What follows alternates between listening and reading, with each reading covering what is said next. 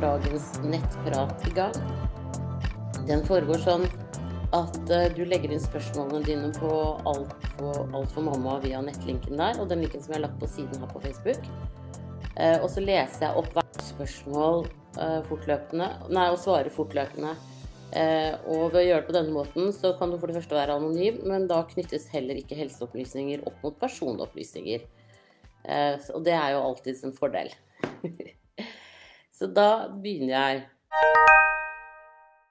Da er det 10 pluss 5 som sier hei, takk for at du tar deg tid til å svare på spørsmål. Ja, men det er hyggelig å høre. Tusen takk. Jeg er ca. 10 pluss 5 og har noen spørsmål. Er det ok å ha hund i sengen? Kan det skade babyen? Hunden er liten og den dusjes og sengen blir skiftet på én gang i uken. Er flått farlig å få når man er gravid? Kan jeg dra på hytta selv om det går sauer og geiter rett utenfor og er masse saueavføring og hunden vil kanskje tråkke i det da vi deler seng med hunden? Og kan jeg kose normalt med hunden? La den ligge oppå meg, osv. Er det ok å dra i dyreparker? Er det ok å spise sukker en gang i uken når man er overvektig og gravid? Er cashewnøtter med litt salt ok? Selv om det er igjen rester av skall, må de vaskes. Er sånne ferdigsmoothies fra butikken ok? Er dette helt anonymt? Takk for at du tar deg tid. Er mange spørsmål som surrer rundt om man er gravid for første gang. Ja, det skjønner jeg godt. Eh, og det jeg tenker også at du burde gjøre, er jo å få tak i en jordmor i kommunen der du bor. Eh, og alle kommuner har opplysninger om hvordan man kan få seg jordmortime eh, inne på sine nettsider. Så gjør det, og så skal du da kunne få time eh, innen en uke etter at du har spurt. Hvis ikke, så er de for dårlig bemanna. Eh, men eh, uansett, få en time der, det tenker jeg er kjempelurt. For da går jordmor gjennom de normale endringene i graviditeten, og hva som er farlig og ikke farlig og sånn. Og så har Helse-Norge også gode sider om, eh, om graviditet. Et, både Helse-Norge og Helsedirektoratet. Hvor du kan finne svar på mange sånne matspørsmål og sånn. Men nå skal jeg svare fortløpende her. Eh, det er helt greit å ha hunden i sengen, eh, men jeg tenker at hvis, hvis, hvis den hunden akkurat har vært ute og løpt i masse eh, sauebæsj, så er det jo ikke så hyggelig. Da er det liksom litt mer uhygienisk. Men sånn generelt Eller altså, det er jo uhygienisk å ha hund i sengen. Uansett. Men det er vel ikke noe mer skadelig når du er gravid enn ellers. Eh, men pass på å vaske hendene dine godt eh, i forhold til dette med før du spiser og sånn, da. Eh, så, før frokost og sånne ting, du, hvis du har hatt hunden i sengen. Men du kan absolutt være på hytta, det er ikke noe problem. Og du kan kose normalt med hunden din, og leke med den, la den ligge oppå deg og sånne ting som det. Det er også helt greit å, dra i dyreparker. Eh, og så er det greit å spise sukker en gang i uken om man er overvektig og gravid. Og hvis du er veldig overvektig, så bør du absolutt eh, komme deg til jordmor raskt, og så eh, få gode kostholdsråd, eventuelt bli henvist til eh, sykehuset, hvor du får snakke med en eh, ernæringsfysiolog som kan hjelpe deg med akkurat ditt kosthold. For det er, jo, det er jo ikke bare sukker som er farlig, det er på en måte hele kombinasjonen av det man spiser som det er ikke farlig, men, men, som kan på en måte mm, gjøre deg litt i større si, faresonen for å få svangerskapsdiabetes og sånne ting. Cashewnøtter er helt i orden, de trenger ikke å, å vaskes, og ferdigsmoothie fra butikken er fint. Eh, det er også fint å lage smoothie selv, for da vet du at det ikke har tilsetningsstoffer eh, og kunstig søtemiddel. Så det vil jeg absolutt anbefale deg. Ehm, fem om dagen er eh, stort sett en gyllen god regel. Ehm, og ja, dette her er også helt anonymt, så det er bare å spørre i vei. Da ønsker jeg deg riktig lykke til videre, og tusen takk for at du følger med her. Ha det bra! Og så er det Forvirra89 som sier hei. Normalt har jeg en syklus på 28 dager, kun opplevd én, maks to dag over. Sist mens startet 24. i fjerde det er nå en uke over. Hadde ubeskyttet få dager før forventet eggløsning. Kjent kvalme, stikninger nederst i magen, murringer og er veldig trøtt hele tiden. Tre siste kun en uke nå. Har tatt flere tester senest i går kveld, alle er negative. Hva skjer? Kan nivåene mine øke så sakte? Eventuelt er det umulig at jeg er gravid? Jeg vil jo tenke at du er Det er veldig stor sjanse for at du er gravid, men det er jo veldig tidlig. Det er jo bare den 29. i dag. Sånn at eh, det kan være litt tidlig at testene slår ut. Og så bør du definitivt teste deg på morgenurin, for da er konsentrasjonen av HCG størst. Så gi det et par dager til, og så tester du deg på morgenurin, så ser du om ikke det kanskje kan gi utslag. Og så er det også sånn at ikke alle slår ut på HCG selv om de er gravide. Og da tenker jeg liksom alle de kroppslige symptomene som du beskriver, så er det det du skal stole på, ikke testene. Eh, det at mensen ikke er kommet, er jo det aller, aller beste tegnet på at du kan være gravid. Og det graviditet og det å ha barn handler om, det er jo mye det at du må stole på deg selv. Um, stole på at du har gode instinkter, stole på at du er på en måte i utgangspunktet laget for å, å tåle en graviditet og være gravid. Så, eh, og, og, tolke symptomene i kroppen din. Så eh, hold, hold, deg til kroppen din, hvis jeg kan si det sånn. Eh, og stol på den. Det tenker jeg det er eh, et veldig, veldig godt utgangspunkt. Og det har du jo gjort. ikke sant? Du har registrert alle de graviditetstegnene som du beskriver for meg her. Så det er veldig bra. Da ønsker jeg deg riktig lykke til videre, og tusen takk for at du følger meg her. Ha det bra! Og så er det andre gangs 40 pluss 2. I går var baby veldig aktiv på formiddagen, pleier egentlig å være mest aktiv på ettermiddag kveld. Fra og med ca. 13 til 22 gikk jeg med mensmuringer i nedre mage, korsrygg og noe i øvre del rygg. Mageknip og luft i magen. Det kom og gikk jevnt og jevn styrke. Mage fysisk hard å ta på, ikke særlig løsere avføring da det sto på. Baby aktiv når det slapp taket helt på kvelden. Kan dette ha vært en blanding av kynner og modningsrier? Hadde og har enda ubehag i mage og skritt når jeg går. Føler jeg må holde magen oppe med hendene når jeg skal tisse etc. for å lette ubehag og lindre litt. God matlyst, drikke jevnlig, fin allmenntilstand ellers. Termin i morgen. Vondt å snu meg i sofa-seng. Baby aktiv igjen fra tidlig i morgen i dag. Ca. 05. Mensmuringer virker å ta seg noe opp igjen som i går. Ble satt i gang for 11 år siden, 11 dager over termin. Kan jeg forvente å gå lenge slik jeg har det nå, med jevne kynnere modningsrier, om det er det jeg har andre gangs 40 pluss 2? Eh, jeg syns jo det høres veldig ut som du er i ferd med å bikke over i fødsel. Så Så jeg syns jo selvfølgelig Kan ikke love deg noen ting. Men jeg syns jo det skulle være veldig rart om du gikk om, om du går over elleve dager også denne gangen. Jeg vet ikke om du hadde det sånn da sist i de elleve dagene, men kroppen bikker liksom lettere over i fødsel når man har født før. Eh, så jeg vil, jeg vil liksom tenke at, eh, at dette her er eh, begynnelsen på fødsel. At du er helt i overgangen med modningsrier og, og ordentlige rier og kynner. Altså at den, der, den overgangen der er ikke så lett, da. Men kjempefint at du følger med på babyens aktivitet, fordi det er jo det aller, aller viktigste. Eh, og skulle den eh, droppe, så ringer du til fødende og snakker med dem, og da kommer de inn og så får du en sjekk. Eh, og da kan de også sjekke på deg om du har begynt å åpne deg og sånn.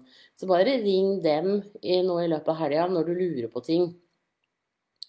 og, og, hvis det skulle være sånn at du ikke går i fødsel i dag, så kan du alternativt også ta deg to Paracet før du legger deg i kveld, sånn at du knocker ut uh, kynnerne litt, og så uh, får du sovet i hvert fall noen timer. Det at du føler at du må liksom holde på maven nå i dag, det tror jeg det har med at hodet har gått enda lenger ned i bekkenet på de riene du hadde i går.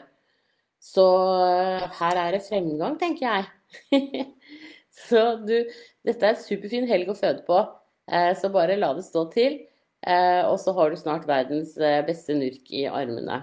Da ønsker jeg deg riktig lykke til videre, og tusen takk for at du følger meg her. Ha det bra! Og så er det p-piller og intimbarbering. Jordmor sier man bør unngå å barbere nedentil den siste måneden før fødsel, i forhold til at det da er redusert reduksjonsfare ved, under og etter fødsel. Hvor lenge etter fødsel må man eventuelt vente før en barberer igjen?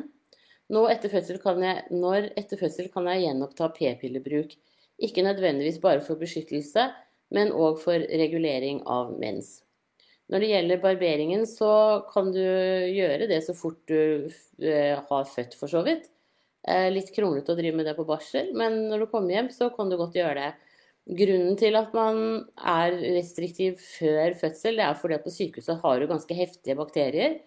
Eh, og man ønsker å beskytte kroppen mest mulig mot det. Så sånn sett så kan man si at paradokset med det at man reiser hjem mye tidligere fra barsel nå enn det man gjorde før, er jo det at infeksjonsfaren også er mye lavere.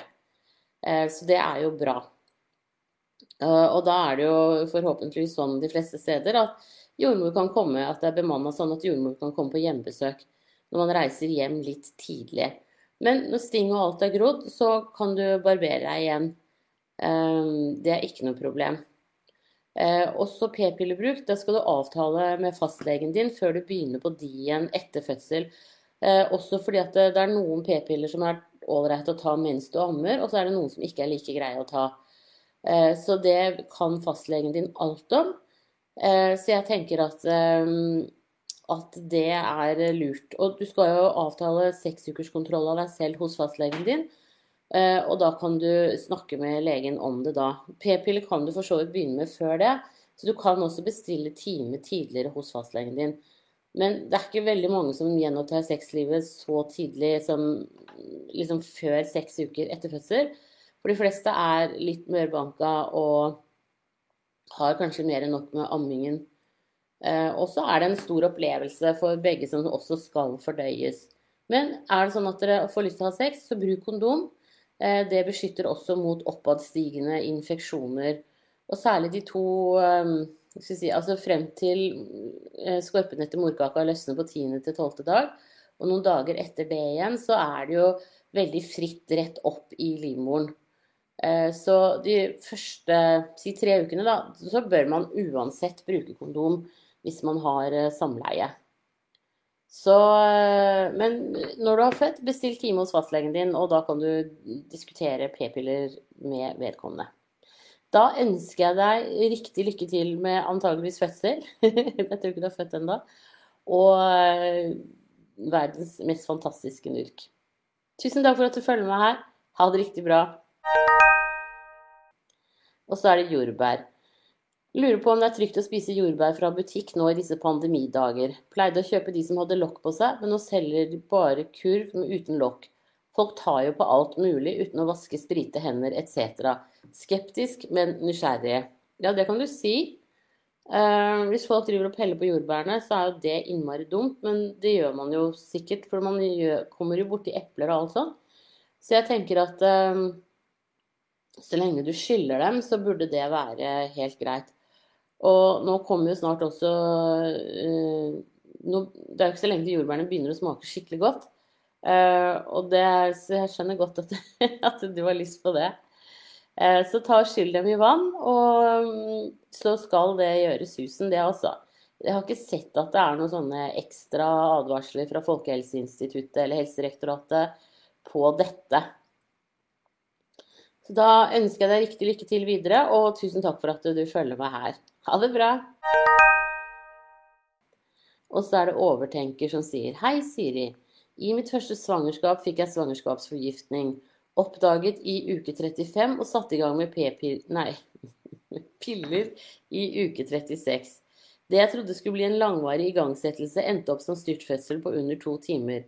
Er det sannsynlig at kroppen reagerer så bra på pillene fordi den vil ha babyen ut fortest mulig, med tanke på svangerskapsforgiftningen, eller bør jeg belage meg på å føde svært raskt neste gang også, selv om jeg da forhåpentligvis er frisk og ikke blir igangsatt?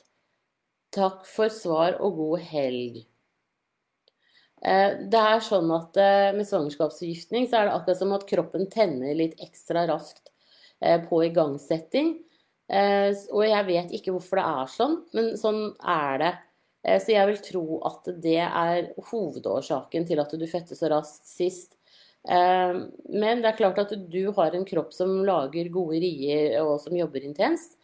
Så ved en ny fødsel så vil du nok føde relativt raskt.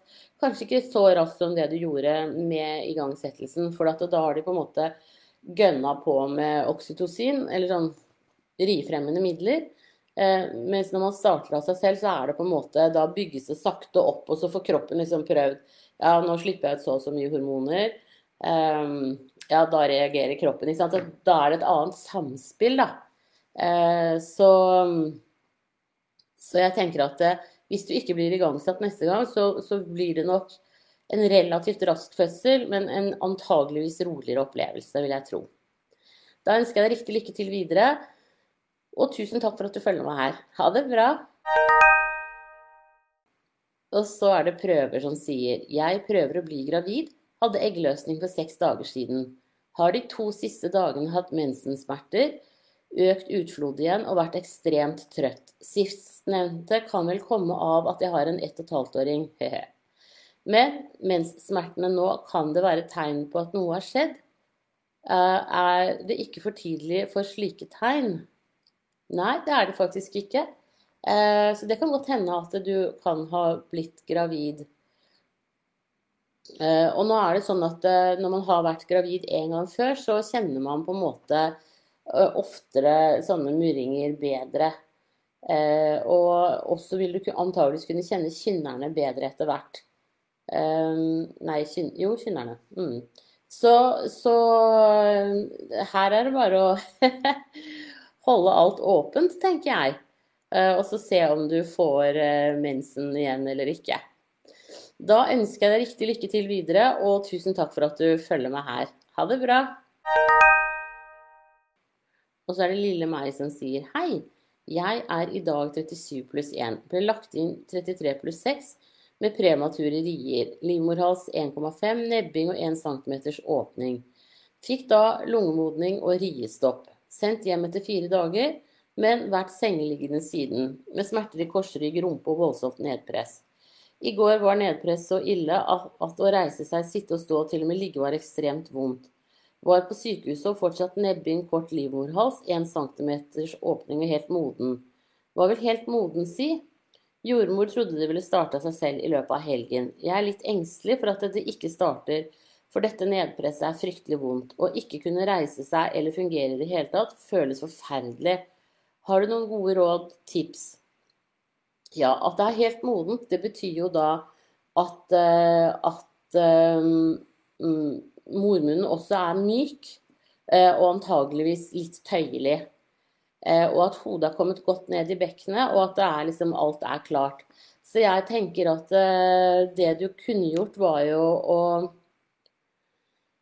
for at, sant, du, Nå har jo du ligget mye, da. Så det å, å plutselig liksom sitte og gå og og sånn, det gir jo et helt annet press. Eh, vevet har jo på en måte Og du har jo ikke fått vent deg til den følelsen så veldig. Eh, så, så, jeg tenker at eh, eh At det kan ha en sammenheng med det, muligens. Men ellers så tenker jeg at eh, du kan jo alternativt ta to Paracet og så være oppe og gå, og så se om du på en måte eh, greier å, å, gå Eller ikke bare gå, da, men sitte og altså, være i horisontal, da. Hva heter det? Vertikal? ikke så god på de tingene der. Det der altså liksom kunne tåle det presset hvis du tar to Paracet. Og så se hva det gjør, om kanskje du får litt, eh, litt sterkere kynner og rier, rier av det. Og hvis du har så vondt at du på en måte ikke orker eh, å sitte og gå de tingene der, så syns jeg på en måte at eh, da bør de ta deg inn på sykehuset og eh, undersøke deg en gang til. Det, det syns jeg eh, de burde gjøre da. For det er klart at eh, så vondt skal det egentlig ikke gjøres. Men prøv deg med to Paracet, eller én først, og så se. Eh, og så se, se, om det gjør noe med deg, og om du da kanskje kommer over i fødsel Um, og da vil du jo kunne få andre typer smertestillende når du kommer inn på føden. Men uh, det høres jo ut som det er mange som er fødeklare denne helgen her. I Oslo var det mange som fødte forrige helg også, så det er hyggelig. Da får vi kommunejordmødrene litt mer å gjøre på. Da kommer vi på hjemmebesøk og koser oss. Riktig lykke til med fødselen, og håper at den starter i dag. Det måtte jo vært det aller, aller beste. Tusen takk for at du følger med her. Ha det bra. Og så er det luftsmerter 40 pluss 2. Jeg går med noe som kjennes ut som skikkelig luftsmerter. Noe jeg har hatt i hele natt også, men jeg får ikke ut noe. Om jeg får ut noe, så er det lite luft, og det gjør fortsatt vondt. Føler òg noe avføringstrang, men gjør vondt å sitte på toalettet. Presser sånn i korsryggen og kommer ingenting ut. Magen blir steinhard når disse smertene kommer. Hva kan det være? Hva kan jeg gjøre? Babyaktivitet er registrert opptil flere ganger i dag. Nei, jeg tenker at dette er fødsel. Eh, det er hodet til babyen som har kommet veldig, veldig langt ned i bekkenet ditt. Og når du har disse takene, så er jo det modningsrier slash rier. Eh, og de presser. Og hvis du har et litt romslig bekken, eller hodet liksom har kommet ordentlig godt ned, så presser det faktisk ganske mot endetarmen for noen, og kan være veldig ubehagelig. Og så kan du også tenke deg at når hodet da står liksom, Hvis du tenker at bekkenet er sånn, sånn, og så står hodet liksom Det, det fyller jo hele bekkenet. Eh, og da skal liksom babyen skal skru seg ned og ut. Eh, og det presser også mot eh, bekkenet bak og, og presse bekkenet ut. Eh, sånn at eh, det kan gi korsryggsmerter. Eh, så jeg, jeg syns du Du kan jo godt ta, ta tida på takene, hvor ofte de kommer og hvor lenge de varer. Og så kan du alternativt ringe til fødende og snakke med dem for jeg tenker at det som er ålreit, selv om man ikke blir liksom tatt inn for en sjekk, så er det ålreit å ha en dialog med jordmødrene på føden. Eh, for å høre hva de tenker, og så vet de da at da er du i Kjømda og kanskje kommer inn denne helgen um, for å føde. Så uh, tell litt og følg litt med.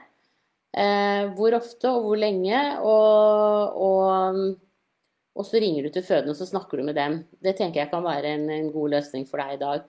Så da må du ha riktig, riktig lykke til med fødselen, og tusen takk for at du følger meg her. Ha det bra.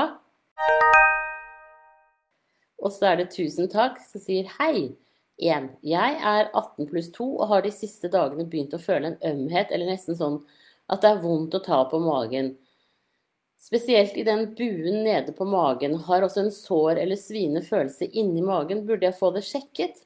2. jeg var på ordinær ultralyd for 17 pluss 5, og da så alt helt fint ut med babyen. Det eneste var at hodet målte til 18 uker, og lårbeinet målte 17 uker. Er det normalt at det er en uke mellom disse? Ble ikke satt eh, opp på vekstkontroll. Det høres helt normalt ut. Eh, det er sånn at man rundt uke 17 så er de babyene likest. Men hvis en av dere f.eks.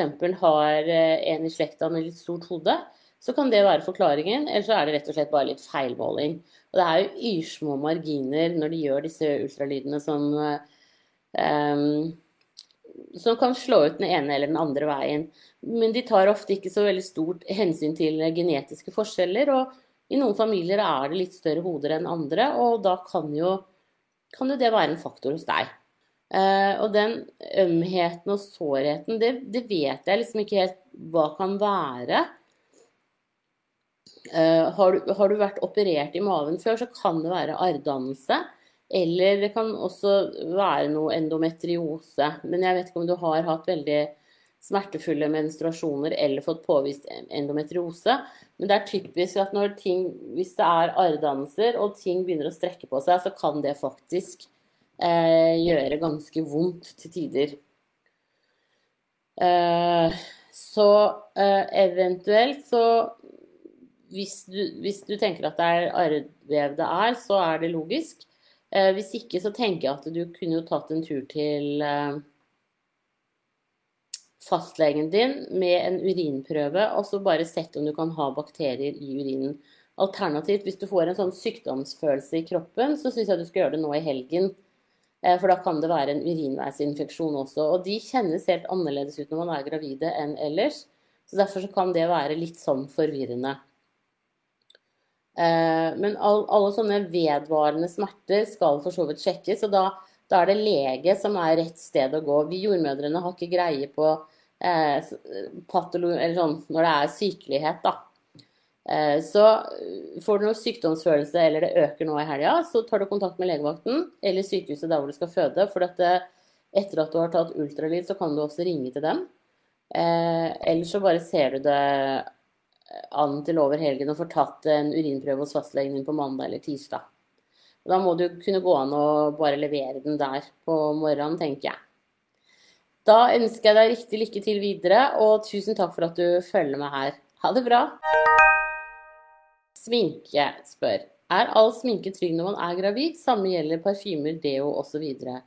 Ja, det er helt trygt. Det er ingenting som man ikke kan bruke da. Det som er, er jo at en del gravide reagerer jo veldig mye mer på lukt. Sånn at du vil kanskje oppleve at du ikke tåler den parfymen du pleier å bruke ellers, eller at du reagerer på at andre eh, bruker parfyme. Eh, så av den grunn så bruker jo er vi jordmødre på en generell basis bedt om å ikke bruke parfyme, deodoranter eller hudpleie som, som lukter sterkt når vi skal jobbe. Eh, fordi at mange gravide reagerer på det. Men så lenge du ikke reagerer på det selv, eh, og du syns det er helt greit, så er alt eh, greit å bruke. Da ønsker jeg deg riktig lykke til videre, og tusen takk for at du følger meg her. Ha det bra! Og så er det ammete. Bør jeg kjøpe inn ammete og ha i tilfelle lite melkeproduksjon eller mye luft i magen til baby når hun kommer og går i gang med amming, eller avvente og se hvilken ammete i så fall? Ja, ammete er kanskje en av de få tingene jeg tenker man behøver å ha i hus. Eh, det er nemlig et stort kjøpepress på dere stakkars gravide der ute om alt mulig som dere skal ha i hus. Eh, er sånn det er jo ikke billig, men det er en liten sum da, i forhold til mye annet. Så ammete tenker jeg er en fornuftig ting å ha. Nå er det jo flere tilbydere, så du kan enten gå på apoteket eller på helsekostforretningene og, og se hva de har. Uh, og jeg også er av den oppfatning at hvis man eh, Sånn som pumpe og sånn, er av de tingene man ikke trenger å ha i hus, med mindre man har tidligere erfaringer som tilsier at, eh, at du burde ha det i hus, da. For jeg tenker at det er sånne ting man kan kjøpe underveis. Eh, så kjøp minst mulig. Det er mitt heteste tips. Og mye kan man også kjøpe brukt eller arve. Da ønsker jeg deg riktig lykke til videre, og tusen takk for at du følger meg her. Ha det bra. Og så er det gravid som spør er det greit å spise avokado slik som guacamole til taco. Ja, det er det. Ikke noe problem i det hele tatt. Eh, så det, det, kan du bare spise. da ønsker jeg deg riktig lykke til videre, og tusen takk for at du følger meg her. Ha det bra! Og så er det gravid 15 pluss 0. Er det OK å ta Paracet under svangerskapet? Sliter med migrene og hodepine. Ja, noe Paracet er det helt greit å ta, men man skal f.eks. ikke ta det mange dager sammenhengende og sånn. Og der er det gjort en studie på Universitetet i Oslo. Det er også sånn at man kan ta nesten alle eh, migrenemedisiner eh, på trygg mammamedisin. Eh, der sitter det leger og farmasøyter og svarer, bl.a. de som har gjort den studien eh, om migrene og Paracet. Så eh, gå inn på tryggmammamedisin.no, og så sjekk der hva, hva de sier om dette. Men noe er helt greit, altså. Og noe må man jo. Og migrene er jo ekstremt slitsomt å ha. Da ønsker jeg deg riktig lykke til videre, og tusen takk for at du følger meg her. Ha det bra! Og så er det andregangsmamma som sier hei. Lurte på om du kunne informere litt om listeria og toksoplasmose. Jeg vet ikke hvorfor, men i mitt andre svangerskap har jeg blitt ekstremt redd for dette. Finner ikke noe om det, men er det slik at det kan smitte med andrehåndssmitte? La oss si samboer kommer utenfra og har solt seg ute. Han setter seg i sofaen, kan han da smitte meg om det var noe jord eller gress han kom borti? Jeg har også en på to år som er veldig aktiv. Hun leker masse i sand i barnehagen. Vasker så klart fingrene og skifter tøy om det er for skittent. Men ligger hun i sofaen og koser, kan jeg da få det ved å ta hånden i sofaen også i ansiktet. Må alt tøy av når vi har vært ute i sommer. Vasker hendene altfor mange ganger om dagen. Tror jeg er blitt litt for redd. Vet ikke om det har sammenheng med det store fokuset som har vært på korona og smitte. Er egentlig ikke så redd for sånn, men føler det er gått, dette er gått skikkelig inn på meg, og jeg syns det er slitsomt. Vet du hvor fort dette dør på overflater, eller om Jeg må ha mye av det for å skade fosteret. Nesten redd jeg skal la frykten ta over og bare sitte inne i sommer. Vet så klart at dette høres helt teit ut. Så lurer jeg også på, hvis man sover og ruller seg på rygg, vil man da våkne om man får vena cava? Ja. Når det gjelder toksoplasmose og listeria, så ligger det en artikkel om det på Alf Mamma, eller altså her inne, da, på nettsiden. Eh, og der linker jeg til eh, Folkehelseinstituttet og de andre. Jeg skal sjekke noe fort etterpå at det er de riktige linkene. Men der ligger det eh, i hvert fall linker til det sist oppdaterte skal gjøre. Og det er ikke sånn at du kan smitte via sofaen på noe som helst slags vis. Det må være direkte. Dette her eh, Toksoplasmose må liksom føres Du må ha det på hendene og få det inn i munnen. Så jeg tenker at eh, Og det smitter ikke via klær. Så det at det, datteren din vasker eh, hendene når hun kommer hjem, er helt plenty nok. Jeg trenger egentlig ikke å skifte klær og sånn, og det trenger du ikke gjøre i sommer heller. Eh, og toksoplasmose forsvinner jo f.eks. med salat. Hvis du skyller den i vann, så forsvinner det av.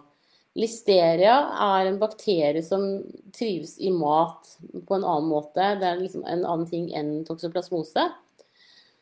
Uh, og, og, da handler det jo i stor grad om at hvis man har liksom et uh, uh, mat som går ut på dato, sånne ting som det, mat fra småprodusenter hvor kanskje ikke hygienen er like god, men alt som du kjøper i butikken som er liksom plastinnpakket og, og sånne ting som det, og du spiser det innen datoutløp, så er det helt trygt. Du trenger ikke å bekymre deg.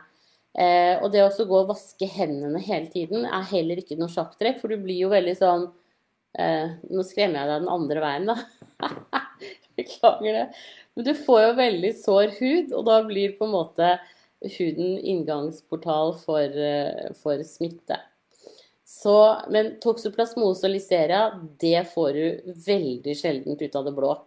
Så jeg tenker at, eh, at eh, prøv å, å, snakke deg selv litt til rette. Og jeg tror det er som du sier, dette med korona har gjort at vi blir, vi blir mer engstelige. Eh, og vi ser også det at flere gravide er mer engstelige, sliter mer psykisk enn, enn til vanlig. Um, det er akkurat som at liksom, man har en, en, angst, og da er det lettere at den blir større ved at man liksom får inn flere elementer. Så prøv å snakke deg selv til rette, uh, og uh,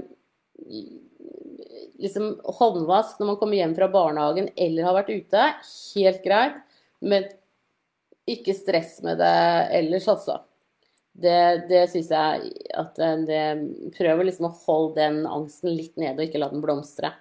Og hvis det skulle være sånn at du eh, liksom Det går og kverner, så snakk med jordmor på helsestasjonen om det. Og nå er det stadig flere helsestasjoner som har tilknyttet psykolog. Og da kan man få noen hjelpetimer der. Mm, hos oss er det én til fem timer, og hvis man trenger mer hjelp, så blir man henvist videre. Men det er liksom mye som du på en måte du kan eh, komme nedpå eh, lettere, da. Med kanskje én eller to timer. Ehm, så da Men i første omgang liksom jobb med deg selv og, og, og liksom snakk deg selv til rette eh, med å få ned det angstnivået. Og når det gjelder Rena Cava, så våkner du Om du ikke våkner, så vil du få ubehag hvis du legger deg på ryggen. Og jeg tror vi er sånn laga at eh, vi da snur oss. Um, fordi at det Altså, man blir litt sånn kvalm, uh, urven, da, da, skifter du stilling. Så du bør ikke være noe redd for vena cava om natten i det hele tatt. Men det er mer sånn der at uh, hvis man blir svimmel av å ligge på ryggen, og absolutt må ligge på ryggen, så går det an å brette et lite håndkle, sånn type uh, ja, to eller tre ganger, sånn at du får bare akkurat en bitte liten vipp på ryggen, og da er det nok. Men sånn vanlig at man liksom plutselig eh, våkner midt på eh, At man våkner eh, nei, Det at man ligger på ryggen uten å våkne av om natten, det trenger du ikke å være noe engstelig for. Det går helt fint. Da ønsker jeg deg riktig lykke til videre, og tusen takk for at du følger meg her. Ha det bra! Og så er det andre gang som mamma som sier hei. Hva er beste måten å vaske frukt på for gravide? Har hørt ti minutter i eddik og vann fungerer godt. Stemmer dette? Må det i så fall skylles etterpå? Du, eh, vann er nok i seg selv. Så bare skyll av og legg det til tørk på benken, og så ha det i en bolle, eller hvordan du vil ha det i kjøleskap eller hvor. Eh, men det holder fint å skylle av frukt og grønnsaker. Trenger ikke noe behandling utover det. Det går helt fint. Da ønsker jeg deg riktig lykke til videre, og tusen takk for at du følger meg her. Ha det bra. Og så er det 16 uker som sier Hei, Siri. Jeg er gravid i uke 16. Har siden i går hatt en øm følelse på venstre side. Tror dette har kommet når jeg har sovet. Det er ømt i huden, men ikke vondt. Kjennes nedover hele venstre side, har ingen merker, men føles ut som om huden er skrapt opp. Er dette noe jeg bør sjekke opp? Tror ikke det har noe med baby å gjøre. Kjennes mer ut som jeg er øm pga. sovestilling. Fikk dette i går og har det fortsatt. Ja, jeg er helt enig med deg. Det høres ut som sovestilling. Så med mindre det blir sterkere, så tenker jeg at uh, da trenger du ikke gjøre noe med det. Da går det over i løpet av en dag eller to eller tre. Og, og sånn. Men skulle det bli verre, så tenker jeg at uh, da, da, må du jo kontakte legevakta. Uh, og da har jeg egentlig ingen god forklaring på hva det kan være, rett og slett. Så da er det lege som må til. Da ønsker jeg deg riktig lykke til videre, og tusen takk for at du følger meg her. Ha det bra! og så sove på magen. Hei, Siri. Min baby er fire uker gammel, og hun får bare sove på magen. Hun er veldig sterk i nakken og klarer å snu hodet sitt fra side til side og holde det oppreist i noen sekunder. Er det farlig da? Med en gang vi legger henne på rygg eller siden, begynner hun å kave voldsomt og våkner etter kort tid. Ja, det der er jo ikke noe lett i det hele tatt. Og det er jo eh, opplest og vedtatt dette her med at de skal helst ikke sove på maven. Um, vet du, det syns jeg du skal snakke med helsesykepleier om. Ja. Uh, alternativet er jo For det høres jo ut som at hun liksom på en måte liker det presset på maven. da. Uh, la henne ligge veldig mye på maven når hun er våken, uh, for da får hun det presset. Og for noen så kan jo det hjelpe hvis de har mye gass i tarmen. At da får hun prompet og, rapet og sånn. Eh, alternativt at hun ligger eh, på knærne deres på tvers eh, og på maven der også. Og så går det an å prøve å bygge den opp i sengen. Det er jo noen sånne der Nå husker jeg ikke hva de der teppene heter. Men det er noen sånne tepper som man kan bruke til, til sånn reiving. Altså sånn, sånn burrito wrap Eh, tepper, og som har en litt sånn tyngde. som har en liten sandpose i seg som, kan, som, ligger på brystet til barnet, og som på en måte gjennom det gir en slags liten trygghetsfølelse. Eh, så det går an å prøve jeg skal, jeg skal, prøve å finne det, men jeg tror hvis du googler babyteppe med sandpose eller et eller annet sånt, så finner du det. Og det. Eh, eller går i en babybutikk, altså babyutstyrsbutikk, så har de kanskje det. Eh, fordi at det er akkurat som at noen roer seg akkurat litt bedre når de eh, på en måte har den, det lille trykket, og så at de da også blir pakket inn sånn at armene ikke får liksom veiva rundt dem og, og, og sånn. Eh, så jeg vil nok satsa på, på det å få henne til å finne roen. Så så, sånne babywrap, altså sånne tepper, da må du bruke teppe Du kan godt prøve bare med tepp, vanlig teppe hjemme uten å tyngde i første omgang. Eh, men da, da, liksom Det må være et teppe som ikke er elastisk. Eh, og så legger du på en måte den ene armen Altså legger liksom armene til babyen sånn. Sånn. Ja, ser jeg. og så legger du teppet rundt og pakker dem inn sånn at det, hvis hun da blir urolig og slår ut med armene, så kommer ikke armene lenger enn hit. Det kommer liksom ikke hele den der veien ut sånn at hun våkner, men det blir liksom en liggende her sånn. Og da hjelper dere henne til å finne roen. For jeg tenker at det er kanskje den roen hun finner når hun ligger på maven. At da får hun ikke liksom veiva så veldig med armene. Eh, så jeg vil anbefale dere det. Prøv om dere Dere har sikkert et teppe eller et skjerf eller noe som er stort nok til å eh, eh, pakke henne inn i, sånn at hun finner roen. Eh, og det er mange som kaller dette her burrito wrap, men eh, eh, ja Nå husker jeg jeg skal, se, jeg skal se om jeg finner en link på nettet til det. Men sjekk med babyutstyrsbutikker der hvor dere bor. Alternativt kjøp det på nettet. Og så tenker jeg at det er mye bedre å prøve det i første omgang før man eh, lar dem ligge på maven. Um, og, og, som sagt, hør med, med helsesykepleier også der hvor du bor. Da ønsker jeg dere riktig lykke til videre, og tusen takk for at du følger med her. Ha det bra. Og så er det andregangsmamma som sier «Eh, Prøvde lenge å få nummer to. Fikk beskjed på Frøya-klinikken om å kutte melk og gluten. Prøvde dette og en del vitaminer. Kan ha vært helt tilfeldig, men ble gravid måneden etter. Uken før vi skulle starte IVF. Har holdt meg under, unna melk i hele svangerskapet eller har brukt laktosefrie produkter. Legen min sa i går at det ikke var noe grunnlag for dette, og at jeg bare måtte spise melk nå i svangerskapet. Litt lettere å finne ting med melk, så klart.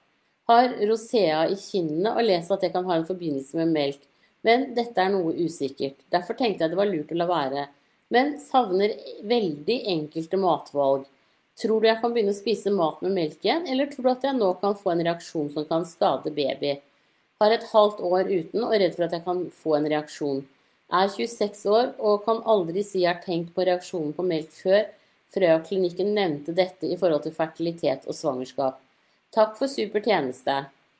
Jo, tusen takk. Jo, jeg har jo jobba en del sammen med Anette, og hun har også svart på nettprater her og har eh, jeg laget en pod med henne om det å bli gravid. Nå husker jeg ikke om hun snakker om melk der, men jeg syns du kan sende henne et spørsmål på det. Eh, og også fortelle at du ble gravid etter en måned, for det syns hun er kjempeartig å høre. Eh, og det syns jeg også, for jeg har aldri, aldri, hørt den sammenhengen der før. Men det er klart at melk i, i uh, tradisjonell medisin, så tenker man om melk at det er slimdannende.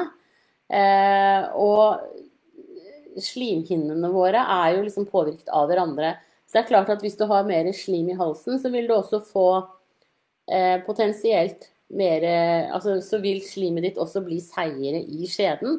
Og det kan jo gjøre det vanskeligere for sædcellene å svømme. Nå vet ikke jeg om det var det som var årsaken eh, til hennes anbefaling, men, men eh, helt klart eh, en, ofte en sammenheng der. Og de som produserer Bisovon, sånn hostesaft, de også snakker om det.